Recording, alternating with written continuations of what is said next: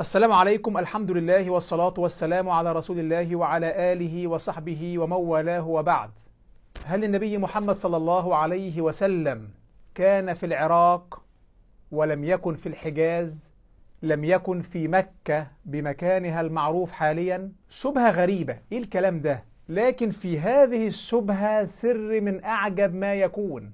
سر لا يعرفه حتى الملاحدة اللي بينقلوا هذه الشبهة من حوليات قديمة هتفاجأ عندما تعرف السر بعد قليل.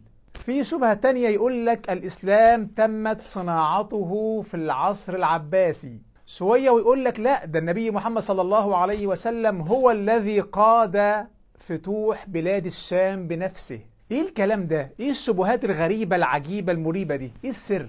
طيب سؤال مهم فعلا. هل هناك دليل على الوجود التاريخي للنبي محمد صلى الله عليه وسلم؟ هل في أدلة على السردية الإسلامية لأحداث السيرة؟ أدلة ثابتة أدلة أركيولوجية؟ هل في مخطوطات نقوش بتثبت صحة السردية الإسلامية لأحداث القرن الهجري الأول تحديدا؟ حلقة مهمة جدا جدا. احتسب الوقت لله عز وجل وأي ملحد بيبحث عن الحق احتسب الوقت تحريا لهذا الحق. شاهدوا الحلقة للنهاية شوفوها للآخر لأن الكلام مترابط. والأدلة الآخر ثانية في هذه الحلقة مهمة جدا. هتحسم حاجات كتير في ذهنك في هذا الموضوع. أصلا آخر دليل هعرضه في هذه الحلقة هيفاجئك. فلا تعجل. وإنا أو إياكم لعلى هدى أو في ضلال مبين. لا يحصي لساني ثناء عليك فكل صلاحي منك وإليك. عظيم العطايا مبسوط يديك تنفق كيف شئت والشر ليس إليك. كل المسلمين على وجه الأرض وكل الكفار وكل الملاحدة وكل المستشرقين الكل مجمع على صحة السردية الإسلامية لأحداث السيرة كما نعرفها اليوم. الكل متفق سواء مسلم أو غير مسلم على أن النبي محمد صلى الله عليه وسلم ولد في مكة التي في الحجاز وأوحي إليه في سن الأربعين ومات في سن الثالثة والستين في عام 11 هجرية 632 ميلادية. وإن أحداث السيرة وأحداث الخلافة الراشدة وما بعدها وقعت كما هو مدون في كتب التاريخ. أصل هذه الأحداث منقولة بالتواتر. كل تفصيلة نقلها ما لا حصر له من البشر إلى ما لا حصر له من البشر. نقل الكافة عن الكافة. والأخبار مدونة من أول يوم كما سنذكر بعد قليل. والذاكرة المجتمعية لا تخطئ أبدا. فإذا كانت كل تفصيلة متواترة فما بالك بمجمل الأحداث؟ أضف إلى ذلك أن أخبار السيرة وأخبار الخلافة الراشدة وما بعدها تم ذكرهم في الحضارات المجاورة للعالم الإسلامي من ذاك الوقت من القرن الهجري الأول كما سنذكر بعد قليل بالأدلة. فالبشر كلهم أجمعوا على حصول هذه الأحداث. إحنا ما إحناش بنحكي عن قرية في كومومبو انقرضت وانتهت وعندنا خلاف في تفاصيلها. نحن نتكلم عن أمة من الناس فتحوا ممالك الأرض وسادوا العالم. في جيل الصحابة فتحت الإمبراطورية البيزنطية والإمبراطورية الفارسية أعظم إمبراطوريتين في العالم. أنت متخيل أن الفرس والروم كانوا محتليين ثلثي المسكونة تلتين المسكونة كانوا محتلينهم. هذه الإمبراطوريات العملاقة طلعت تجري من قدام الصحابة وبلا رجعة. فأحداث النصف الأول من القرن الهجري الأول دي قضية عالمية. قضية غيرت شكل الأرض للأبد غيرت التاريخ للأبد. فكيف تنكر قصة العالم؟ وبعدين تاريخ الإسلام لم ينقطع ساعة واحدة من الأرض. من لحظة ظهوره وحتى اليوم. تاريخ الإسلام من أول يوم بعث فيه النبي صلى الله عليه وسلم لغاية النهاردة تاريخ متواتر تواترا معنويا وتواترا لفظيا منقول بكل تفاصيله نقل الكافة عن الكافة. مفيش عندنا فترة مظلمة ولا حتى ساعة واحدة مظلمة في كل تاريخ الأمة. مجتمعات المسلمين مجتمعات مستقرة ثابتة من أول يوم. العلم والسيرة والأخبار والأحداث وكل شيء ينقل في النور في المساجد على عينك. وهذا العلم وهذه الأخبار وهذه الأحداث بينقلها ناس معروفين لناس معروفين.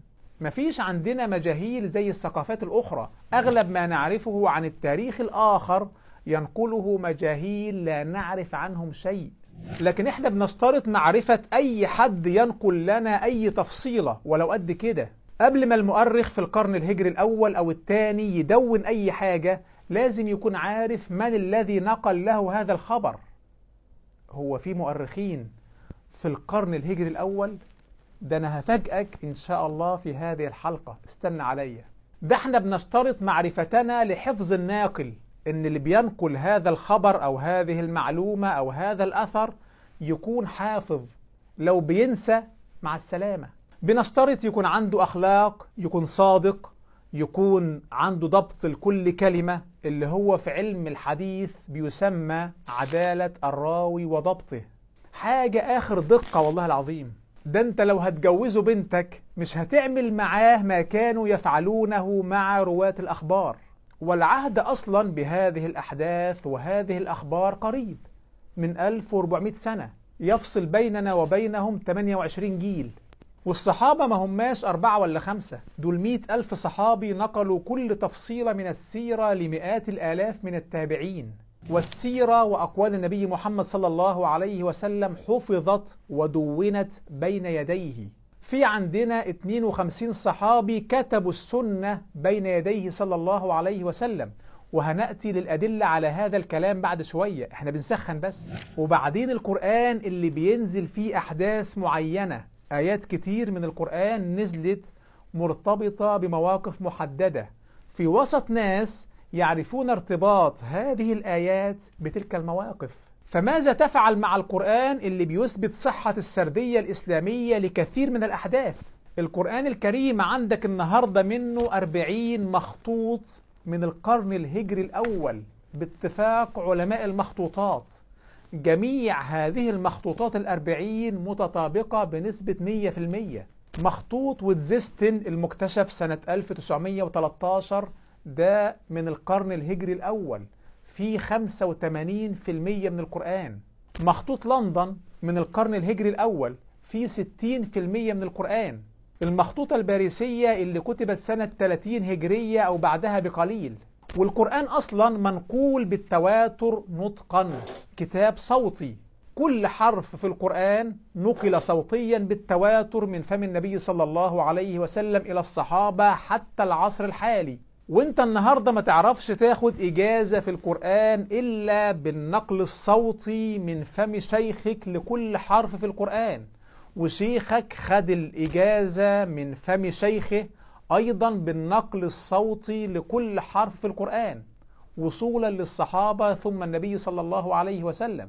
عندك اليوم ملايين الإجازات بسلاسل متواترة إلى عهد النبي صلى الله عليه وسلم. وكل كلمة في القرآن بتراجع في الصلوات الجهرية في المساجد من عهد النبوة. كمية توثيق مرعبة. والقرآن والسيرة والأخبار نقلوا في ظل حماية دولة قوية. دولة مسلمة قوية قادرة على حماية النص وحماية نقل الخبر. فدي كلها حاجات عملت إجماع بشري على صحة السردية الإسلامية للأحداث كما نعرفها اليوم. لكن هب فجأة يا صاحبي تظهر فئة عجيبة من الناس. كائنات جاية عشان تنقطك. يقول لك ده النبي محمد كان في العراق مش في الحجاز. ده الإسلام عباسي صناعة عباسية. إيه السر في هذا الكلام؟ في نصوص آه، سريانية مسيحية بتدعي أن محمد كان محرققا في أرض العراق وهاجر منها بعد ذلك إلى الشام نصوص سريانية مسيحية بتدعي أن النبي محمد صلى الله عليه وسلم ظهر في أرض العراق وهاجر منها إلى الشام إيه الكلام ده؟ موضوع ال- ال- ال- العراق يعني انه إنه الأول موضوع الهجرة يعني آه، عندها عده عدة تفسيرات لكن آه، في نص آه، عند عند شخص اللي هو بطريرك كان كان بطريرك في ال- ال- الكنائس الشرقية في سنة 649 كانت بداية جلوسه على كرسي البطري- البطريركيه ونقل لنا بعض المعلومات عنها عن ماذا حصل بالضبط. وذكر المنطقة بالاسم قال مكان اسمه رادان. كلمة رادان أنا بحثت في في كل القواميس ودورت يعني لم أجد لها يعني لم يعطينا أحد يعني منطقة بالضبط أين توجد لكن ما وصفه آه، هذا ال- ال- البطرك؟ يعني يتضح أنها منطقة العراق. بطريرك للكنائس الشرقية سنة 649 ميلادية. بيقول لأتباعه أن النبي محمد ظهر في العراق في منطقة اسمها رادان. والملحد ما هواش عارف يعني إيه رادان. مفيش بلد في العراق اسمها رادان. هقول لك الكلمة دي معناها إيه بعد شوية هفاجئك. بقول لكم في سر فظيع. فهناك مخطوطة باللغة اليونانية تسمى دكترينا جاكوبي أي تعليم يعقوب مد كتبت في سنة 634 قتل السراسين أحد ضباط الحرس الإمبراطوري ربما معناها آه، ولي البيز- ال- البيزنطة على تلك المنطقة. وابتهج اليهود لمقتله وقولهم إن النبي قد ظهر وإن وإنه أتى مع السراسين بمعنى العرب. فنلاحظ من خلال النص أن اليهود ابتهجوا لانتصار العرب على الحمية العسكرية البيزنطية. وظهور النبي مع السراسين بمعنى أنه إلى سنة 634 ميلادية لا زال محمد حيا يرث لغاية 634 ميلادية النبي محمد صلى الله عليه وسلم كان حيا يرزق وشارك في فتوح بلاد الشام بنفسه. إيه موضوع المخطوطات دي؟ النبي محمد صلى الله عليه وسلم مات بلا خلاف سنة 632 والشام فتحت في عهد عمر بن الخطاب رضي الله عنه. والنبي صلى الله عليه وسلم بعث وولد في أرض مكة التي في الحجاز. أم ليه 634 والعراق وردان ومشاركته صلى الله عليه وسلم في فتح الشام. إيه سر هذا الكلام؟ ركز بقى معايا عشان نفهم الموضوع ونفهم الخيط اللي بينسج كل هذا الكلام. ونفاجئ من يطرحون هذه الشبهات بالسر. من يطرح هذه الشبهات لا يعرف السر. فركز معي. السريان واللاتين والأرمن الشرق الأوسط وأوروبا في ذاك الوقت كانوا بيؤمنوا بالكتاب المقدس أهل كتاب. والكتاب المقدس فيه نص من أعجب النصوص على الإطلاق. أعجب نص من نصوص البشارات. اسمه نص دانيال سبعة أو سفر دانيال إصحاح سبعة. في هذا النص يخبر النبي دانيال وهو في السبي البابلي. يعني إيه سبي بابلي؟ طبعا بنو إسرائيل كانوا الأمة الموحدة في الأرض ولقد اخترناهم على علم على العالمين. كانوا زي الفل. لكن مع الوقت اتبعوا عباد الأوثان فسلط الله عليهم من يسبيهم ينقلهم بعيالهم بزوجاتهم بكل حاجة من أرضهم إلى بابل. فده اسمه السبي البابلي أشهر سبي في التاريخ على فكرة. المهم وهم في السبي ظهر فيهم نبي عظيم اسمه النبي دانيال وظهرت معه أعظم بشارة في تاريخ البشارات. بشارة بتقول إن في أربعة ممالك سوف تحكم الأرض. ممالك عظيمة قوية عنيفة هتسيطر على الأرض. مملكة بابل ثم فارس ثم اليونان بتاع الإسكندر ثم مملكة الرومان الرهيبة. وأخبر دانيال بعلامة كل مملكة. وفي زمن المملكة الرابعة يبشر دانيال بظهور مملكة قديسي العلي مملكة خير أمة مملكة الرب. هتظهر هذه المملكة في زمن المملكة الرابعة وهتهزم الممالك الأربعة وتعيد التوحيد للقدس لأول مرة في التاريخ. طبعا أنا شرحت هذه البشارة بالتفصيل في حلقة سابقة والحلقة في الوصف. تخيل يا صاحبي لن تحكم القدس من ساعة السبي البابلي في القرن السادس قبل الميلاد. لن تحكم القدس أية أمة موحدة إلى أن تأتي هذه المملكة مملكة قديسي العلي. آه هيرجع بنو إسرائيل من السبي بعد شوية هيرجعوا بعد فترة وفعلا رجعوا لكن رجعوا تحت سلطان أمة وثنية. ولم تحكم القدس أمة موحدة من ساعة السبي البابلي إلى أن تظهر هذه الأمة التي بشر بها النبي دانيال. ما شاء الله على جمال هذه الأمة. الغريبة أن النبي دانيال حدد لهم حتى زمن ظهور هذه الأمة. قال لهم الأمة دي هتظهر بعد ظهور شخصية قسطنطين العظيم الذي تنبأ أيضا بظهوره. هتظهر هذه الأمة بعد قسطنطين العظيم ب 350 سنة. قسطنطين ظهر حوالي تقريبا 300 ميلادية. لو أضفنا 350 إلى هذا التاريخ فنحن الآن تقريبا في العام 650 ميلادية. وهو الزمن الذي دخلت فيه القوات المسلمة الموحدة لأرض القدس في خلافة عمر بن الخطاب رضي الله عنه لأول مرة من ألف سنة من ساعة السبي البابلي يحكم القدس أمة موحدة كما تنبأ دانيال عليه السلام. يهزم الصحابة الممالك الأربعة ويفتحوا بابل والقدس وفارس والشام. تهرب الممالك الأربعة من قدام الصحابة يجروا زي الفيران من أمام خالد بن الوليد وسعد بن أبي وقاص رضي الله عنهما. ويعيد الصحابة التوحيد للقدس. البشارة دي من أعظم وأعجب وأغرب بشارات العهد القديم.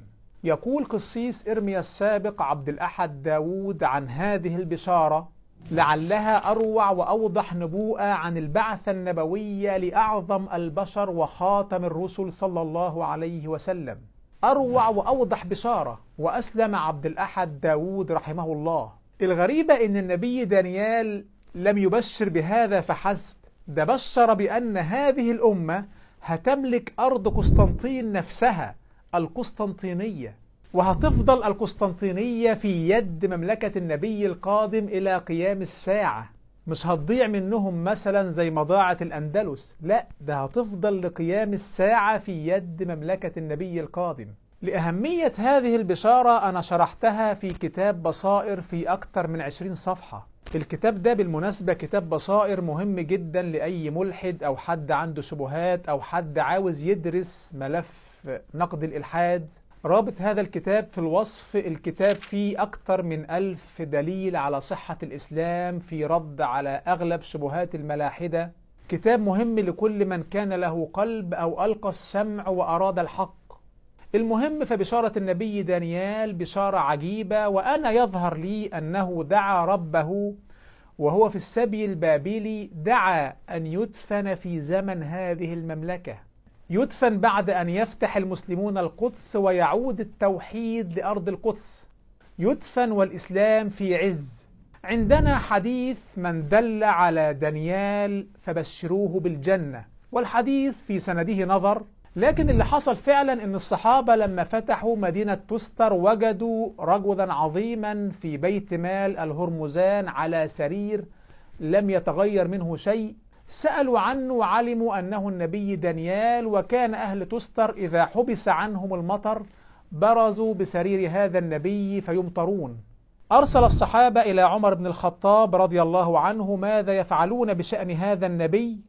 فحفروا 13 قبر متفرقة فلما كان بالليل دفنوه في أحدها حتى لا يهتدي إليه الناس ويفتنون به. فالنبي دانيال عليه السلام دفن في زمن عمر بن الخطاب رضي الله عنه بعد أن عاد التوحيد للقدس. والصحابة وجدوا عند رأس النبي دانيال كتابا فيه نبوءات بشأن ما سيأتي من الأيام اللي هو سفر دانيال. الغريبة إن أنا فعلا فوجئت إن في أثر أن دانيال عليه السلام دعا ربه أن يدفن في زمن هذه الأمة. لكن الأثر مرسل في سنده نظر. الكتاب المقدس أيضا بشر بمكان بعثته صلى الله عليه وسلم وأنه سوف يولد من نسل قيدار. وقيدار هو ابن إسماعيل وهو جد عدنان جد قريش وكما تعلمون عدنان هو جد نبينا صلى الله عليه وسلم. فالكتاب المقدس بشر بمكان بعثته صلى الله عليه وسلم وبشر برفع الأذان في أرض قيدار في أرض قريش. تخيل! لترفع البرية ومدنها صوتها الديار التي سكنها قيدار. يرفع الأذان في أرض قيدار والنص في أوله بيتكلم عن النبي القادم الذي اختاره الرب. وكيف أن هذا النبي القادم سيرفع على يده الأذان في أرض قيدار وفي نفس النص أخبر أن أهل المدينة المنورة هيطربوا فرحا بقدوم هذا النبي المنتظر. تترنم سكان سالع من رؤوس الجبال. جبل سالع هو أحد أشهر جبال المدينة المنورة. وهو اللي حصلت عنده غزوة الخندق. أقول إيه ولا إيه؟ والله عالم عجيب من البشارات. ويأتي مشتهى كل الأمم. مشتهى في النص العبري محمد ويأتي محمد كل الأمم. الذين آتيناهم الكتاب يعرفونه كما يعرفون أبناءهم. عارفينه زي ما عارفين عيالهم والله العظيم. ويقول الذين كفروا لست مرسلا قل كفى بالله شهيدا بيني وبينكم ومن عنده علم الكتاب. اللي عنده علم بهذا الكتاب شاهد على نبوتي شرحت هذه البشارات بالتفصيل في كتاب بصائر في حوالي 100 صفحة. فلما ظهر النبي محمد صلى الله عليه وسلم وفتحت أمته الممالك الأربعة وفتحت القدس كما تنبأ دانيال ولما بعث صلى الله عليه وسلم في الزمن المحدد في كتبهم ده في نص عندهم إن هو هيبعث بعد موسى عليه السلام ب 1750 سنة. وعشان كده كان أهل الكتاب بيقولوا في زمان النبي صلى الله عليه وسلم قد أظلك زمان نبي. واليهود كانوا بيقولوا لأهل يثرب قد تقارب زمان نبي. كانوا عارفين زمان ظهوره صلى الله عليه وسلم بالضبط. فلما ظهر صلى الله عليه وسلم في الزمان الذي يعرفون وفي المكان الذي يعرفون وبالاسم الذي يعرفون وبالصفات التي يعرفون وفتحت أمته الممالك الأربعة ودخلوا بيت المقدس. هنا أسقط في أيدي أهل الكتاب. ماذا نفعل؟ هنقول إيه للناس اللي معانا؟ لم يجد رجال الدين اللاتين والسريان والأرمن لم يجد أهل الكتاب إلا أحد أمرين. يا جماعة الموضوع طلع صح. هذا هو النبي المنتظر وهيا نسلم يا إما الأمر الثاني نشوف حل لهذه الورطة. نشوف حل نطلع بيه من هذا الإشكال وهنا هيظهر حل عند أهل الكتاب في القرن الهجري الأول. حل يطلعوا بيه من إشكال البشارات ويعلموا هذا الحل لأتباعهم. هذا الحل هو أن النبي محمد صلى الله عليه وسلم وحاشاه هو المسيح الدجال. بس كده هو ده الدجال اللي هيظهر في آخر الزمان وحاشاه صلى الله عليه وسلم. فده كان هو الحل اللي قدامهم. بس مفيش أي علاقة بين النبي صلى الله عليه وسلم وبين المسيح الدجال. فبدأ أهل الكتاب يتلاعبوا في مكان بعثته صلى الله عليه وسلم. وبدأوا يتلاعبوا في تفاصيل بعض الأحداث حتى يجعلوا نشأة الإسلام وصفات النبي صلى الله عليه وسلم مقاربة لبعض صفات ضد المسيح أو المسيح الدجال. حركة كي جي 1 لكنهم عملوها. طبعا أهل الكتاب يعرفون الدجال جيدا وإن الله عز وجل لم يبعث نبيا إلا حذر أمته الدجال. أيها الأولاد هي الساعة الأخيرة وكما علمتم أن ضد المسيح يأتي. ده كلام الكتاب المقدس. فأهل الكتاب الكل منتظر الدجال وهيعمل آيات عظيمة. مجيئه بعمل الشيطان بكل قوة وبآيات وعجائب. والدجال عند أهل الكتاب له صورة وحش. وحش عظيم له سبعة رؤوس وعشرة قرون. ومكتوب عليه اسم تجديف. مكتوب عليه كافر. بس ركزوا في الرقمين دول. رقم سبعة ورقم عشرة وهتعرفوا ليه بعد شوية. بعد أن ظهر النبي صلى الله عليه وسلم وفتحت الممالك الأربعة وفتحت القدس بدأوا يلعبوا اللعبة بتاعتهم. اللي هو أي مسكن والسلام ده هو ده ضد المسيح. فظهرت حوليات سريانية وحوليات لاتينية في ذاك الزمن. تتلاعب بمكان بعثته صلى الله عليه وسلم وزمان بعثته صلى الله عليه وسلم وبعض التفاصيل عشان يعملوا أي توفيق بينه وبين الدجال وأهو الناس تتلهي الناس تهدى شوية. طبعا كلام يضحك لكن الزنقة كبيرة. زي الحولية اللي عرضها هذا المرتزق واللي فيها البطريرك بيقول لأتباعه أن النبي محمد بعث في أرض العراق. موضوع ال- ال- ال- العراق يعني إنه آه، في نص آه، عند عند شخص آه، اللي هو بطريرك كان كان بطريرك في ال- ال- الكنائس الشرقية في سنة 649 طبعا المسيح الدجال باتفاق المسلمين وأهل الكتاب هيظهر في أرض العراق في المشرق. إنه خارج خلة بين الشأم والعراق فعاث يمينا وعاث شمالا يا عباد الله فاثبتوا. فالدجال هيطلع من المكان ده. وعند أهل الكتاب الدجال سيولد من سبط دان وسبط دان اختفى بعد السبي الآشوري في أرض العراق. فالدجال باتفاق هيخرج من أرض العراق. بس ركز في كلمة دان. فاكر لما هذا المرتزق قال لك إن هذه الحولية بتقول إن النبي محمد ظهر في أرض العراق في منطقة اسمها رادان؟ وأنا مش عارف يعني إيه رادان. وذكر المنطقة بالاسم. قال آه، آه، مكان اسمه رادان. كلمة رادان أنا بحثت في في كل القواميس ودورت يعني آه، لم أجد لها يعني لم يعطينا أحد يعني منطقة بالضبط أين توجد. ردان طبعا الكلام في الحولية عشان يربط بين النبي صلى الله عليه وسلم وبين سبط دان السبط اللي هيخرج منه الدجال. بس المرتزق عشان مش فاهم السر ما فهمش يعني إيه ردان النبي محمد صلى الله عليه وسلم خلوه من نسل اليهود ومن سبط دان ومن أرض العراق. هراء وجنون عقلي لا يحتمل. لكن أهو أي مسكن عشان الناس تهدى. فهو صلى الله عليه وسلم تنطبق عليه تماما ويقينا صفات النبي المنتظر. فهيعملوا إيه طيب؟ طبعا ثقافة أهل الكتاب اللاتين والسريان في زمان البعثة النبوية عن النبي محمد صلى الله عليه وسلم كانت ثقافة ضحلة. اللي بيعرفوه عن الإسلام مجرد حكايات شعبية بيسمعوها من الحجاج النصارى القادمين من القدس. فكان البطاركة بيستغلوا ده وبيكتبوا أي مراهم مسكنات لتهدئة هذه الكارثة التي حلت بالعالم الغربي. فيكتبوا حوليات يلفقوا فيها أي حاجة عشان يربطوا بينه صلى الله عليه وسلم وبين الدجال وحاشاه.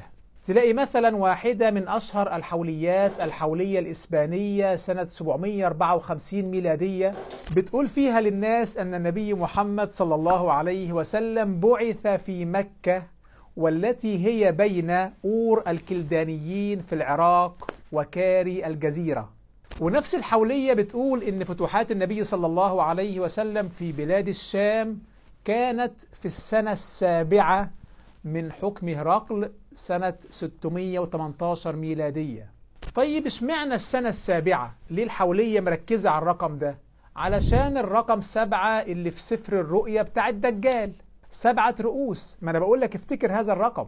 طبعا تاريخيا هذا الكلام خطأ تماما باتفاق المؤرخين في العالم. لأن الشام سنة 618 كان اللي بيحكمها الفرس وليس الروم. هرقل أخذ الشام سنة 627 ميلادية فإزاي المسلمين خدوها من هرقل سنة 618 المسلمون بدأوا فتوحات الشام سنة 632 لكن طبعا لازم كاتب الحولية يحط أي حاجة فيها الرقم سبعة علشان يتوافق مع الرقم اللي في سفر الرؤيا بتاع الدجال. مش مهم بقى تاريخ ولا مين كان بيحكم الشام سنة 618 ولا كل هذا الكلام. هي الفكرة بس يجيبوا حاجة فيها رقم سبعة وخلاص. وتقول نفس الحولية أن نبوته صلى الله عليه وسلم استمرت عشر سنوات. يعني مش 23 سنة لا عشر سنوات. طب اشمعنى عشرة؟ أظن فهمتوا اللعبة. عشان الرقم عشرة اللي في سفر الرؤيا بتاع الدجال. خد بقى هذه النكتة. الحولية قدمت وفاته صلى الله عليه وسلم وخلته مات سنة 628 ميلادية. يعني مش 632 خلوه مات صلى الله عليه وسلم سنة 628 طيب اشمعنى هذا الرقم؟ لأن الرقم 628 يوافق بالإسبانية 666 والرقم 666 هو رمز الدجال. رمز الدجال. عدده 666 شفت اللعيبة؟ فكتاب الحوليات حرفوا تاريخ العالم. المهم يحلوا كارثة البشارات. ثم يأتي مرتزق ويقرأ هذه الحوليات. ويستخدم هذه الحوليات كحجة في تحريف تاريخنا المتواتر. في وقاحة أكتر من كده. يقول لك نبي الإسلام في العراق مش في الحجاز. دي ما هياش شبهة وقحة دي شبهة فرطوس. طيب هنا في مشكلة. الدجال باتفاق المسلمين وأهل الكتاب هيدخل بلاد الشام. هيوصل لبيت المقدس. سيدنا عيسى عليه السلام هيقتله بباب لد. فيعمل إيه كتاب الحوليات؟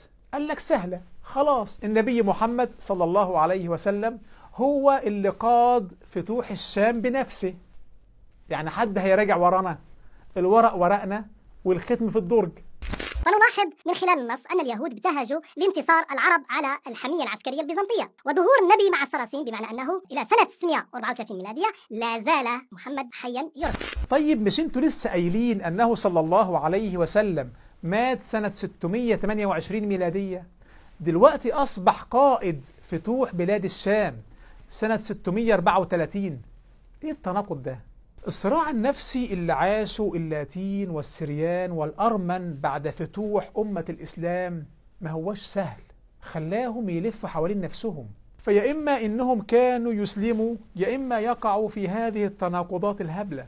مات صلى الله عليه وسلم سنة 628 عشان توافق 666 الإسبانية وبالتالي هذا رمز الدجال. وفي نفس الوقت هو الذي قاد فتوح الشام سنة 634 قاد فتوح الشام بعد ست سنوات من وفاته. معجزة. تخيل كائنات برأس مربعة في هذا الزمان تأتي وتستخدم هذه الحوليات وعاوزانا نسك في تاريخنا بناء على هذه الحوليات. مش بقول لك حاجة تنقط بس حابب أقول لك حاجة. عندما تصل بالطرح لهذه المرحلة وعاوز الناس تلحد بناء على هذا الهطل فأنت بهذا تسقط مصداقية الإلحاد. أنت بهذا هتجيب الإلحاد الأرض. باعتمادك على حوليات محترقة كمدا على الإسلام وجعلك هذه الحوليات مصدرا للتشكيك في تاريخنا المتواتر فأنت بهذا تثبت أن أنتوا شوية مرتزقة. همكوا نشر الكفر بأي حاجة. ولو على حساب أي مصداقية أو نزاهة. الشلة دي عاوزاك تكفر بالرخيص تكفر بخمسين قرش. تخيل جيوش المسلمين تفتح الممالك الأربعة في جيل الصحابة وانت بتعامل الإسلام على إنه ثقافة منقرضة. وهنعرف تاريخ هذه الثقافة من واقع حولية. أيها الفرطوس ده الصحابة وصلوا لحدود أوروبا. وفتحوا قبرص وحاصروا القسطنطينية. ده اكتشفوا نقش لأحد المشاركين في فتح قبرص سنة 28 هجرية. مكتوب على هذا النقش أنا عمار ابن جزاء الليثي وكتبت هذا عام فتح البحر. فتح قبرص كان أول فتح في البحر للمسلمين فسمي هذا العام عام فتح البحر. تخيل يا صاحبي هذه الهمة العجيبة عند هذا الجيل اللي بيعتبروا هذا الفرطوس حاجة هامشية ممكن أي حولية تغير تاريخنا. تخيل البيزنطيين احتلوا مصر 600 سنة أخذوا شمال أفريقيا كلها باكج واحدة. كانوا راعبين العالم. كان بابا الكنيسة في ذاك الوقت من شدة بطش البيزنطيين هربان في الصحراء 13 سنة. يأتي الصحابة فيهرب البيزنطيين من قدامهم بلا عودة يحطوا ديلهم في أسنانهم ويجروا. ده في حولية سريانية ذكرها الدكتور أحمد الشامي إن أحد القادة البيزنطيين كان بيجري بكامل عدته وعتاده.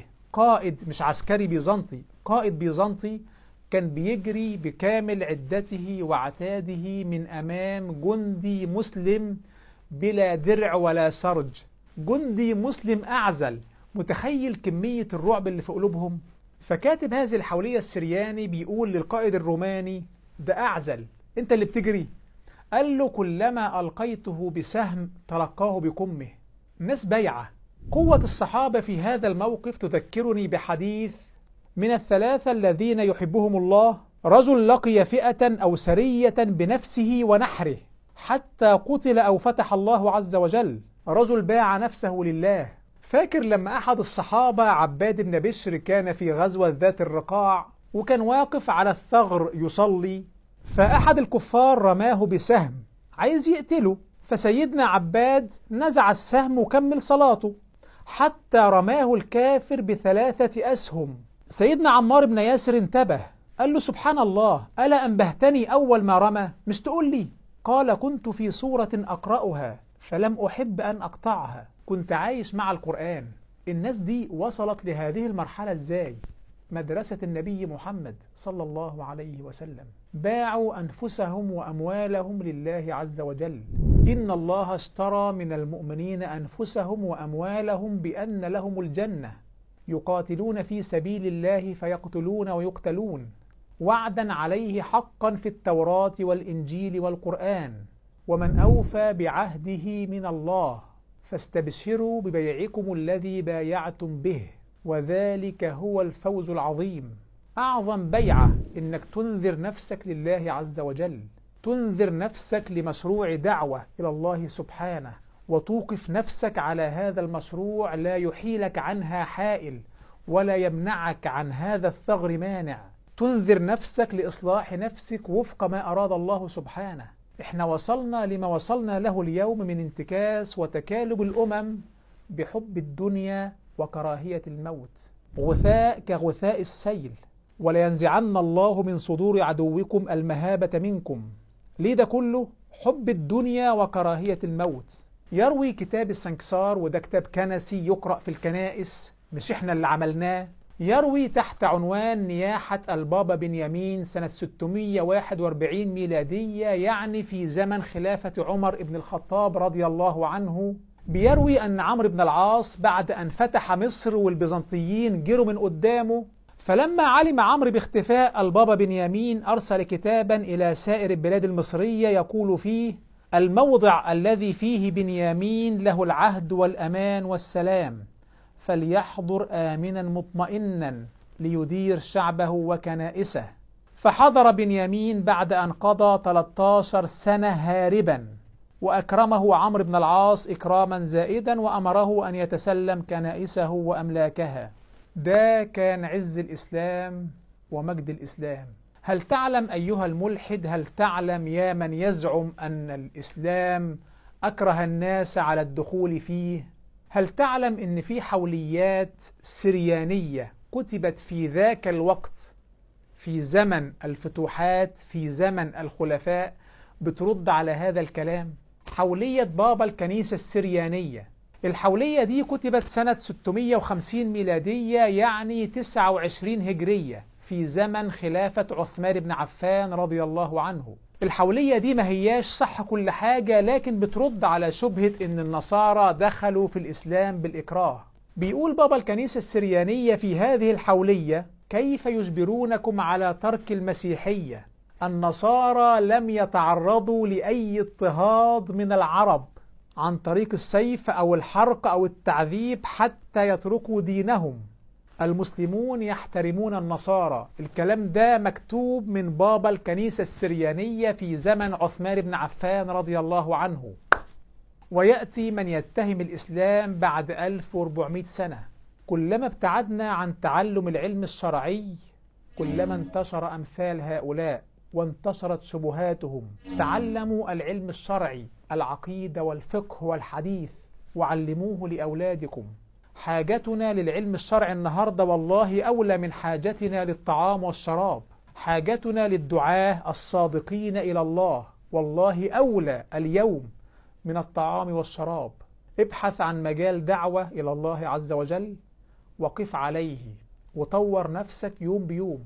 في بردية ناصان بردية كتبت سنة 60 هجرية وهي عبارة عن رسالة من أمير مسلم بيحذر فيه القادة المسلمين من ظلم أهل ناصان لأن لهم ذمة الله ورسوله.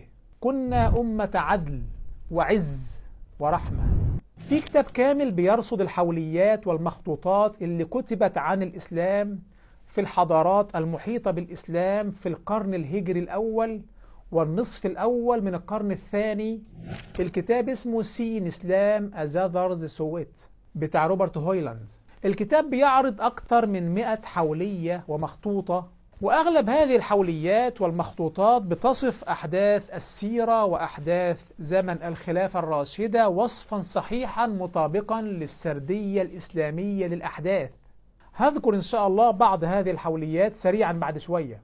والتلاعب اللي بيحصل في بعض التفاصيل في هذه الحوليات زي ما قلنا من شوية عشان بس يحاولوا يوفقوا بينه صلى الله عليه وسلم وبين الدجال وحاشاه بعد قصة فتوح الممالك الأربعة وانطباق البشارات عليه صلى الله عليه وسلم بصورة مذهلة.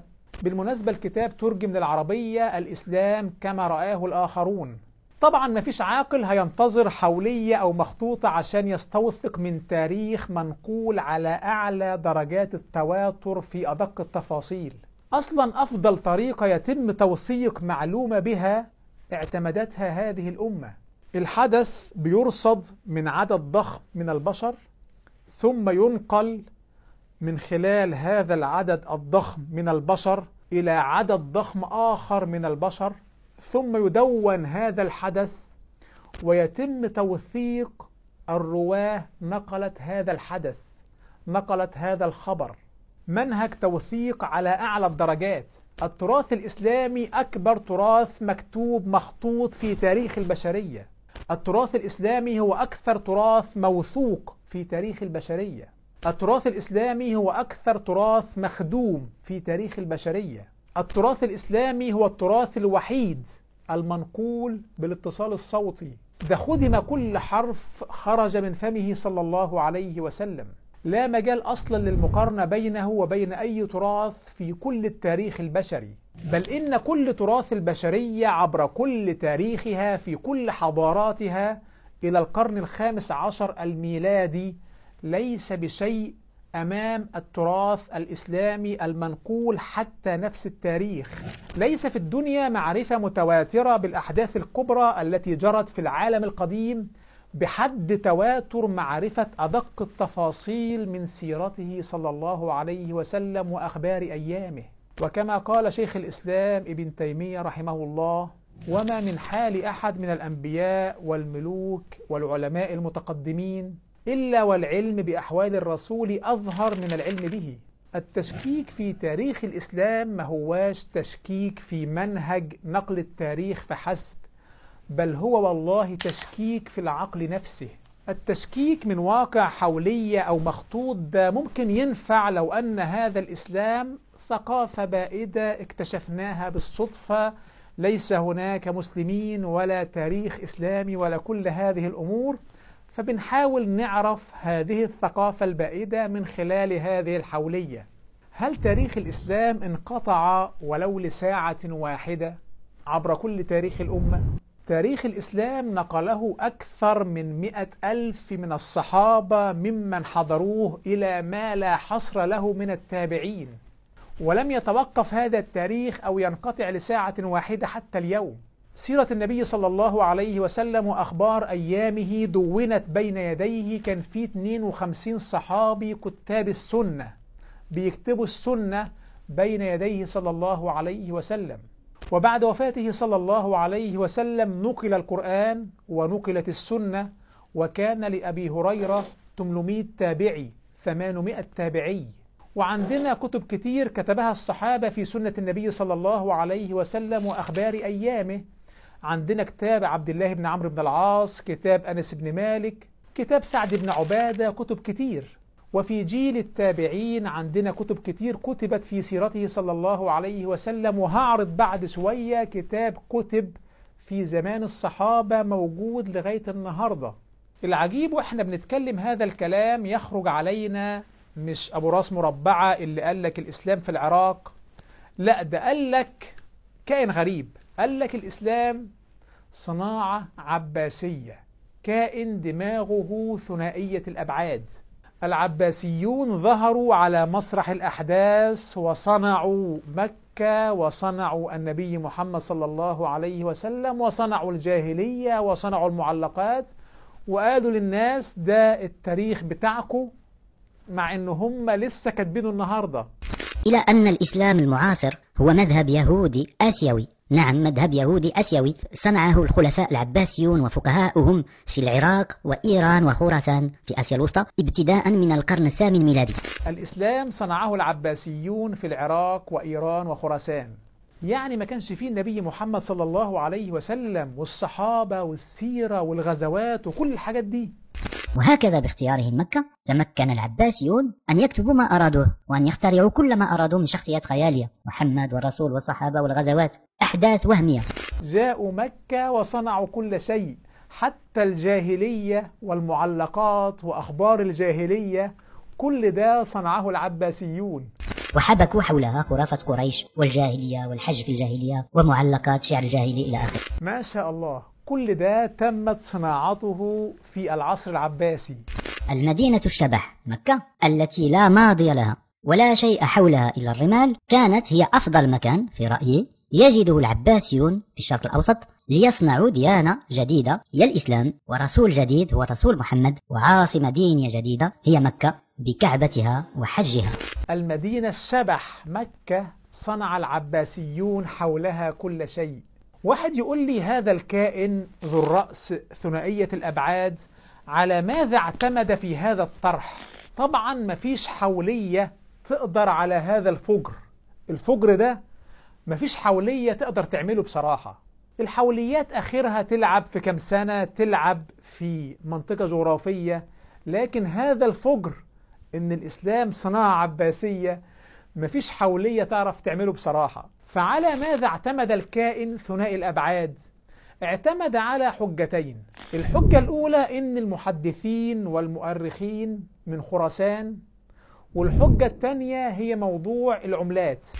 النقود الساسانية العربية التي سكها أمراء خراسان. العرب هي نقود مسكوكة على نمط النقود الساسانية يعني تحمل صور الحكام الساسانيين وصور معبد النار الزردشتي المجوسي والكهان هذا ما نجده على النقود لكن هي نقود فيها كتابات بالعربية. نقود ساسانية عربية تحمل صورة معبد النار الزرادشتي وعليها كتابات عربية. إذا الإسلام صناعة عباسية. قبل عبد الناصر لم تكن هناك مصر. مفيش أسرة محمد علي مماليك فراعنة مفيش كل هذا الكلام.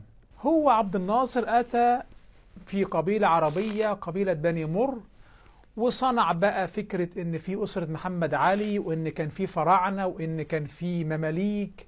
وفي أدلة على هذا الكلام. شوف طوابع البريد أيام عبد الناصر. هتلاقي على هذه الطوابع صور بلاد ليست في مصر أصلا. هل في عاقل في الكون يصدق طرحا كهذا؟ طبعا البعض متخيل إن أنا ببسط كلام هذا الكائن أو بسخف حجته. والله هذه هي حجته. هذا هو. هو ده مستوى الطرح اللي بيقدمه. مفيش حد هيصدق هذا الطرح إلا حد فقد المخ والعقل والرقبة والكتف والركبتين وصباع رجل الصغير. يعني عملة عليها صورة رمز النار الزرادشتي وكتابات عربية. إذا الإسلام كله بكل ما فيه صناعة عباسية. إيه ده؟ هو الإلحاد رخيص لهذه الدرجة؟ ليه حابين تمسحوا بالإلحاد الأرض ليه؟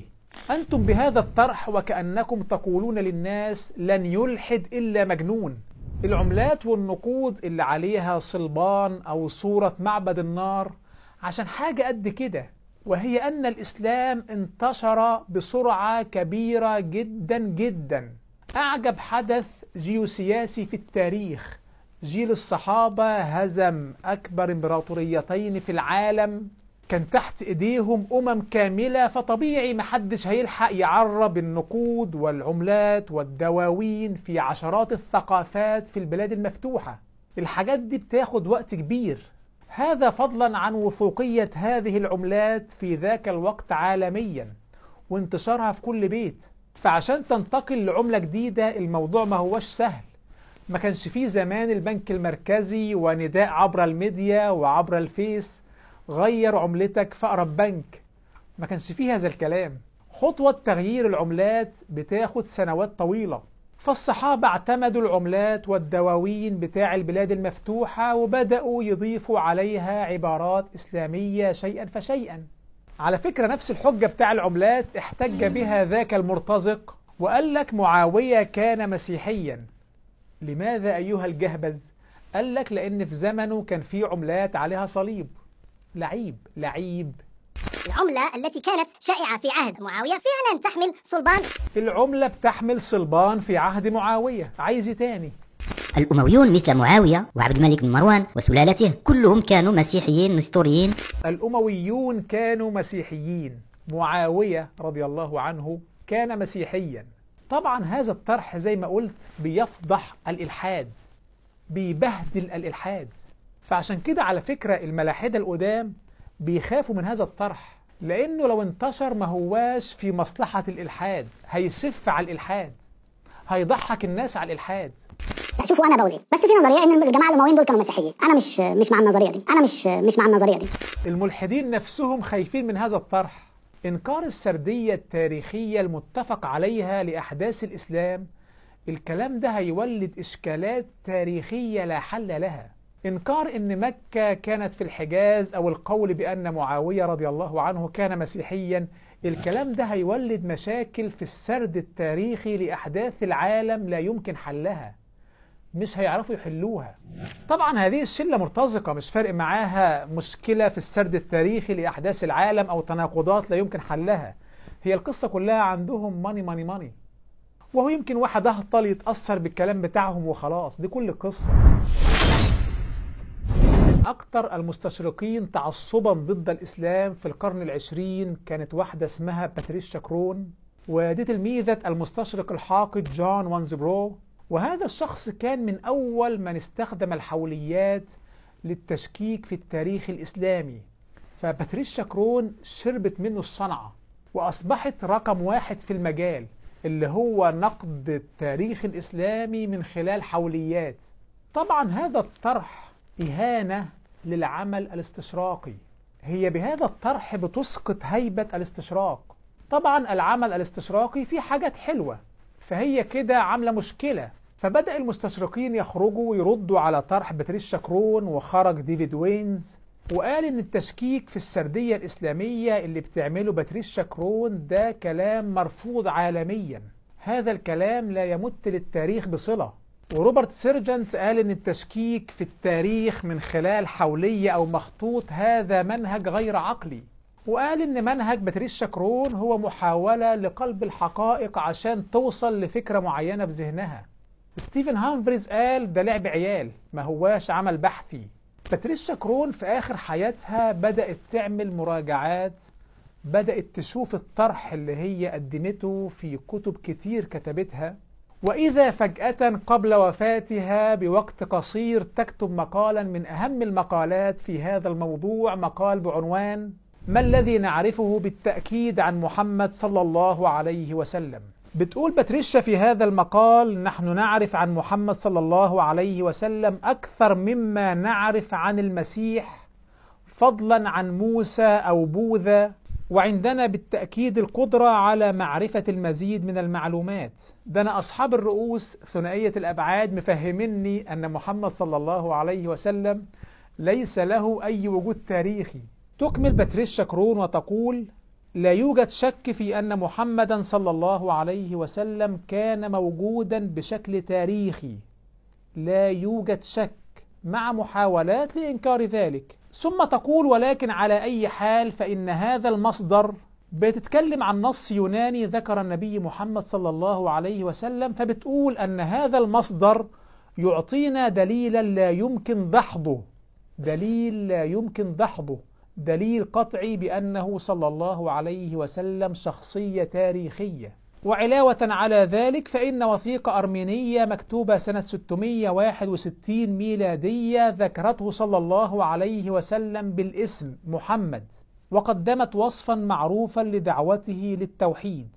على فكرة البي بي سي الوثائقية عرضت هذه الوثيقة الأرمينية التي ذكرت النبي محمد صلى الله عليه وسلم Armenian historian Sebeos wrote about Muhammad just 24 years after his death. The particular interest here is that for the first time in Armenian, someone talks about uh, Muhammad and mentions him by name and says a little bit about what he did. Sebeos himself was talking about the events around the year 630, which was before Muhammad had actually died. Sibius gives a surprisingly accurate account of Muhammad's background and teachings. Translating from the Armenian.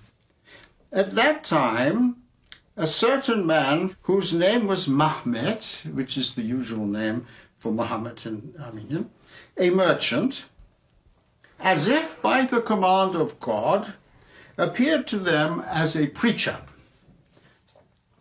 Now, Muhammad gave them laws, namely, not to eat carrion, not to drink wine, not to speak falsehood, and not to engage in fornication. الناس اللي بتقول لك الإسلام ديانة عباسية ده أنت لو جايبينك تهزأ الإلحاد مش هتعمل كده.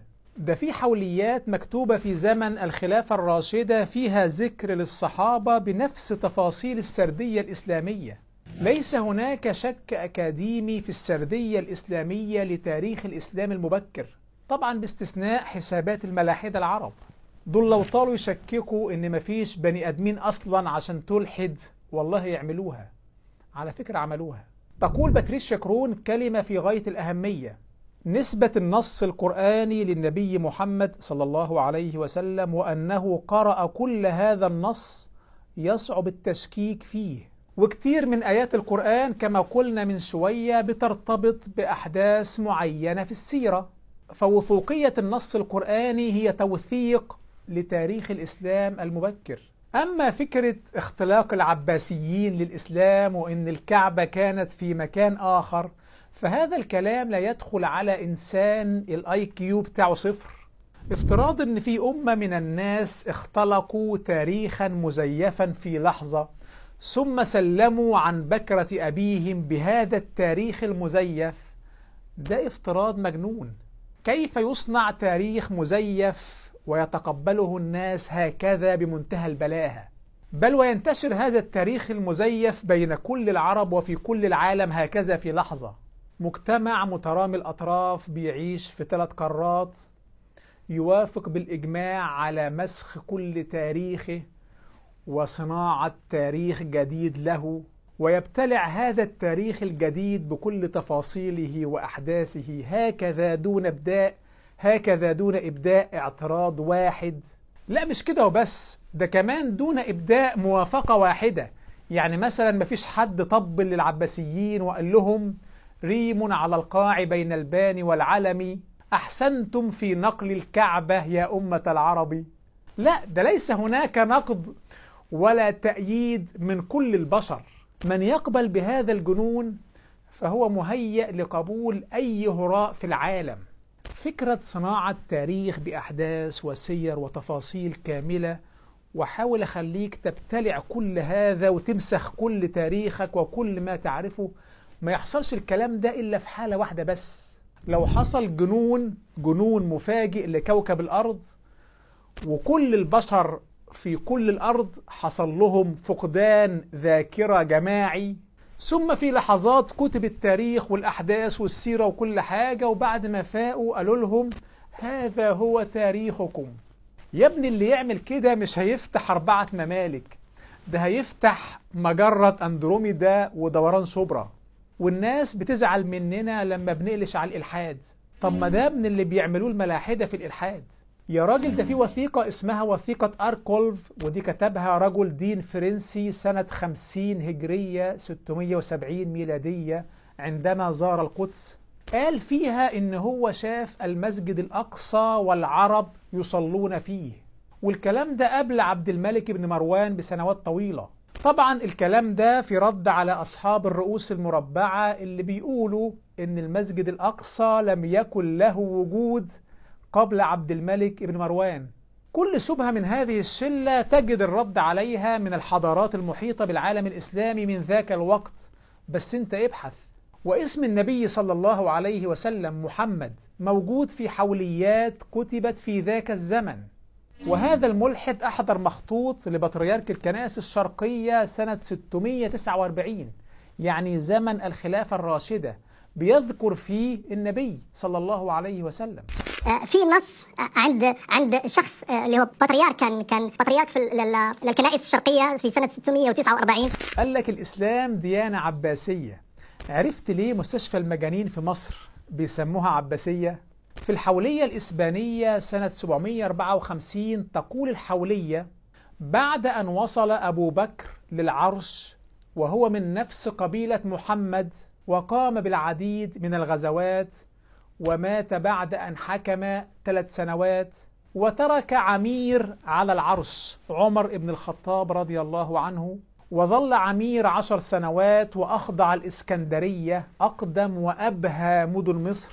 وبعد أن حقق النصر شرقا وغربا برا وبحرا مات بسيف عبد أثناء الصلاة بعد أن حكم عشر سنوات. نفس السردية الإسلامية للأحداث.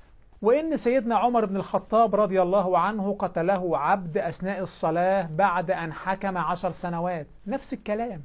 بالمناسبة لبتاع الإسلام ديانة عباسية في نقش مكتوب عليه عمر بن الخطاب من سنة 57 هجرية. وفي نقش من زمن عمر بن الخطاب نفسه اسمه نقش زهير. النقش ده تاريخه 24 هجرية وده مكان اكتشاف النقش اكتشف سنة 2000 والنص المكتوب في هذا النقش بسم الله أنا زهير كتبت زمن توفي عمر سنة 24 زهير كتب هذا النقش سنة 24 هجرية سنة توفي عمر بن الخطاب رضي الله عنه. طبعا هذا النقش كان صادما للمرتزقة لأن هو بيثبت السردية الإسلامية للأحداث. فقال لك بس هذا النقش عليه نقط والنقط لم تظهر إلا في مرحلة تالية. وهذا جهل لأن التنقيط للحرف العربي موجود من زمان. عندنا بردية تعود للعام 22 هجرية فيها النقط على الحروف واضحة جدا. وعندنا أثر ابن عباس أن عامر ابن جدرة وضع النقط على الحروف من زمن مبكر جدا. وعدم تنقيط القرآن في مصحف عثمان بن عفان رضي الله عنه حتى يتيح القراءة بأوجه القراءات المختلفة مش لأن التنقيط لم يكن استعمل. إذا في أحداث السيرة وأحداث الخلافة الراشدة موجودين في حوليات من ذاك الزمن.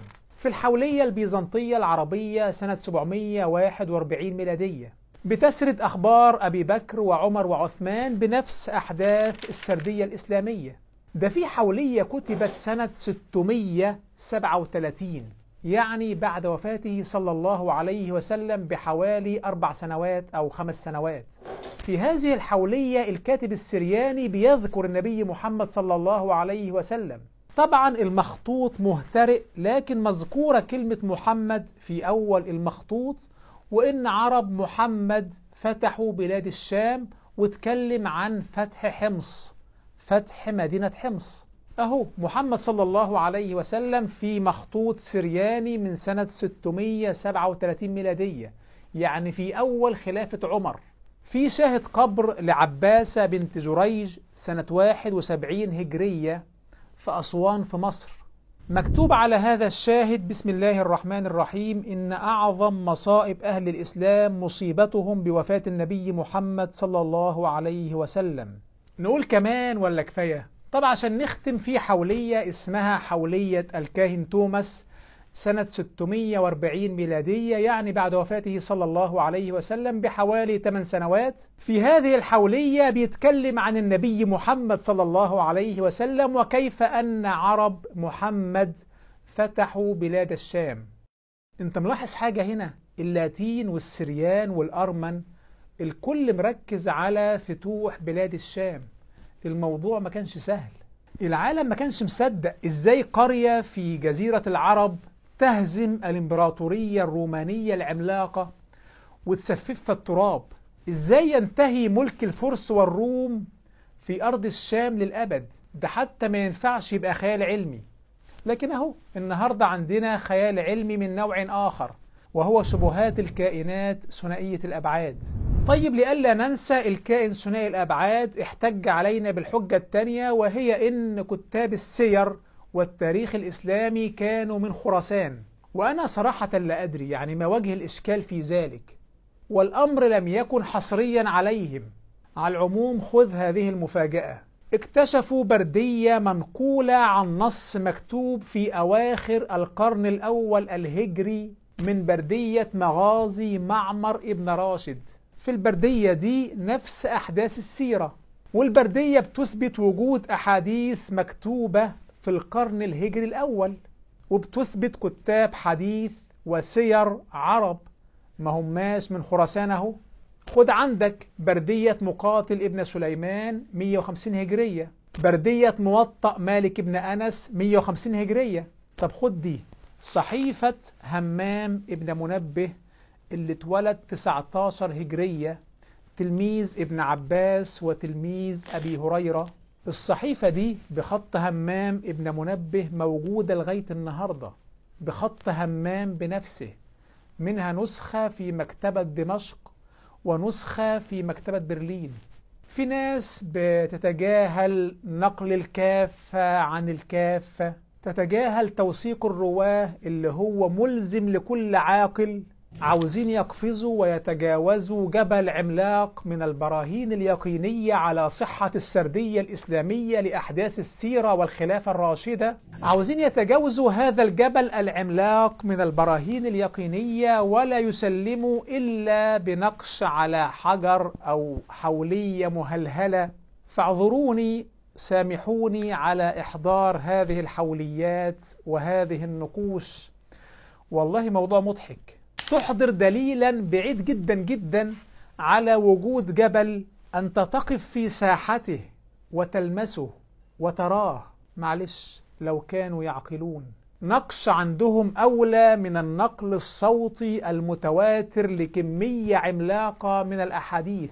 طبعا النقوش في كتب كاملة بتعرضها زي كتاب الوجود التاريخي للأنبياء وكتاب أركيولوجيا الإسلام. وصراحة من أفضل من صنف وحاضر في النقوش والحوليات في هذه الشبهة هو الدكتور أحمد الشامي كتاب تاريخية الصحابة وكتاب الإسلام التاريخي. عاوزين بقى نختم بحاجة علمية تجريبية لذيذة على موثوقية الإسناد عشان الكائنات اللي بتشكك في تاريخ الطبري في ناس من أصحاب الرؤوس ثنائية الأبعاد بيشككوا في مرويات تاريخ الطبري. يروي الطبري بإسناده أن عمر بن الخطاب رضي الله عنه قتل يوم الأربعاء في آخر ذي الحجة سنة 23 هجرية. قال الطبري في تاريخه وحدثني أحمد بن ثابت الرازي إلى آخر الإسناد قال قتل عمر يوم الأربعاء لأربع ليالي بقين من ذي الحجة تمام سنة 23 والسيوطي رحمه الله بيروي أنه يوم أن مات عمر انكسفت الشمس. تم عمل تحقيق فلكي هل فعلا حصل كسوف في المدينة المنورة في هذا اليوم؟ وكانت المفاجأة نعم حصل كسوف يوم 5 نوفمبر من عام 644 ميلادية. الموافق آخر ذي الحجة من عام 23 هجرية. شوهد كسوف حلقي في هذا اليوم في المدينة المنورة؟ زي ما انت شايف في الصورة لخط مسار الكسوف. قال لك الإسلام ديانة عباسية. والله انت اللي عباسية. في بقى شبهة وهنختم بهذا الكلام. في شبهة قالها هذا المفتري وهي أن مكة مكان خرافي لم يكن لها وجود. المدينة الشبح مكة التي لا ماضي لها. المدينة الشبح التي لا ماضي لها. يا واد يا شبح لا يعرف أن مكرابة أو مكة الرب ذكرها بطليموس في القرن الأول الميلادي يعني قبل الإسلام ب 600 سنة. رسم بطليموس الجزيرة العربية وحط المدن التالية تحت بعضها. لثريبة يثرب مكرابة مكة الرب.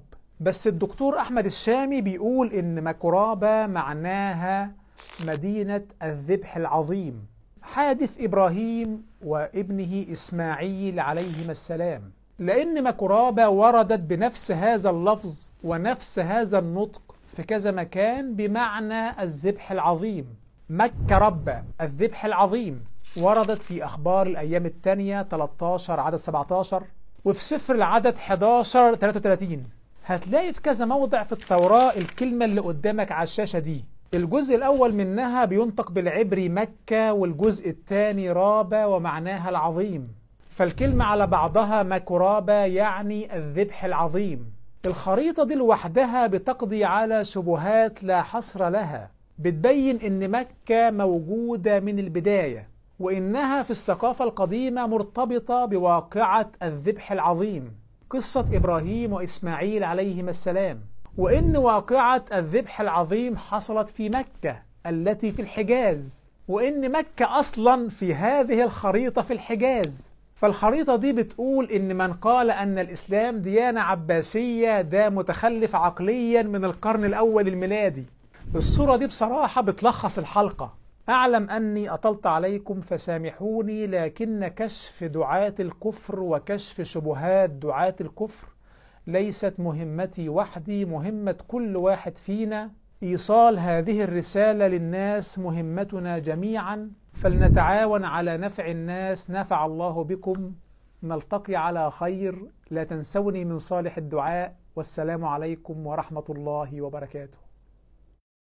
يا أبا هبد لا تهبد علينا وأنظرنا نخبرك اليقين بأن هبدك قد سما فوق هبد الهابدين.